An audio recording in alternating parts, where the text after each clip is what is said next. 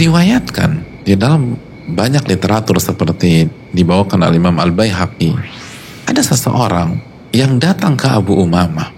Wahai Abu Umamah, aku tuh melihat dalam mimpiku itu malaikat senantiasa mendoakan kamu.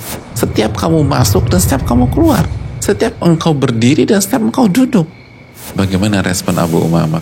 Ya Allah ampunilah hamba kata beliau.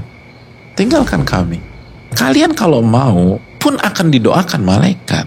Lalu Abu Umamah menyebutkan firman Allah subhanahu wa ta'ala dalam surat Al-Azab Ya ayuhalladzina amanu dhkurullaha dhikran kathira wasabbihuhu bukratan wa asila walladhi yusalli alaikum wa malaikatuh liyukhrijakum minadh dhulumati ila nur wa kana bil mu'minina rahima. Yang artinya wahai orang-orang beriman berzikirlah kepada Allah. Ingatlah kepada Allah dengan zikir yang sebanyak-banyaknya.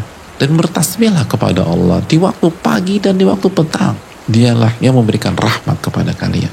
Dan malaikatnya akan berdoa untuk kalian supaya dia mengeluarkan kalian dari kegelapan ke cahaya dan Allah sangat sayang kepada orang-orang yang beriman. Ahli puasa papan atas itu banyak berzikir.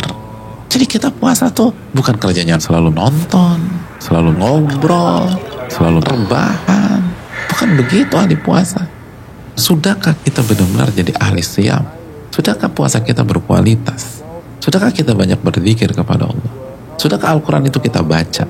Terus perbaiki kualitas puasa kita.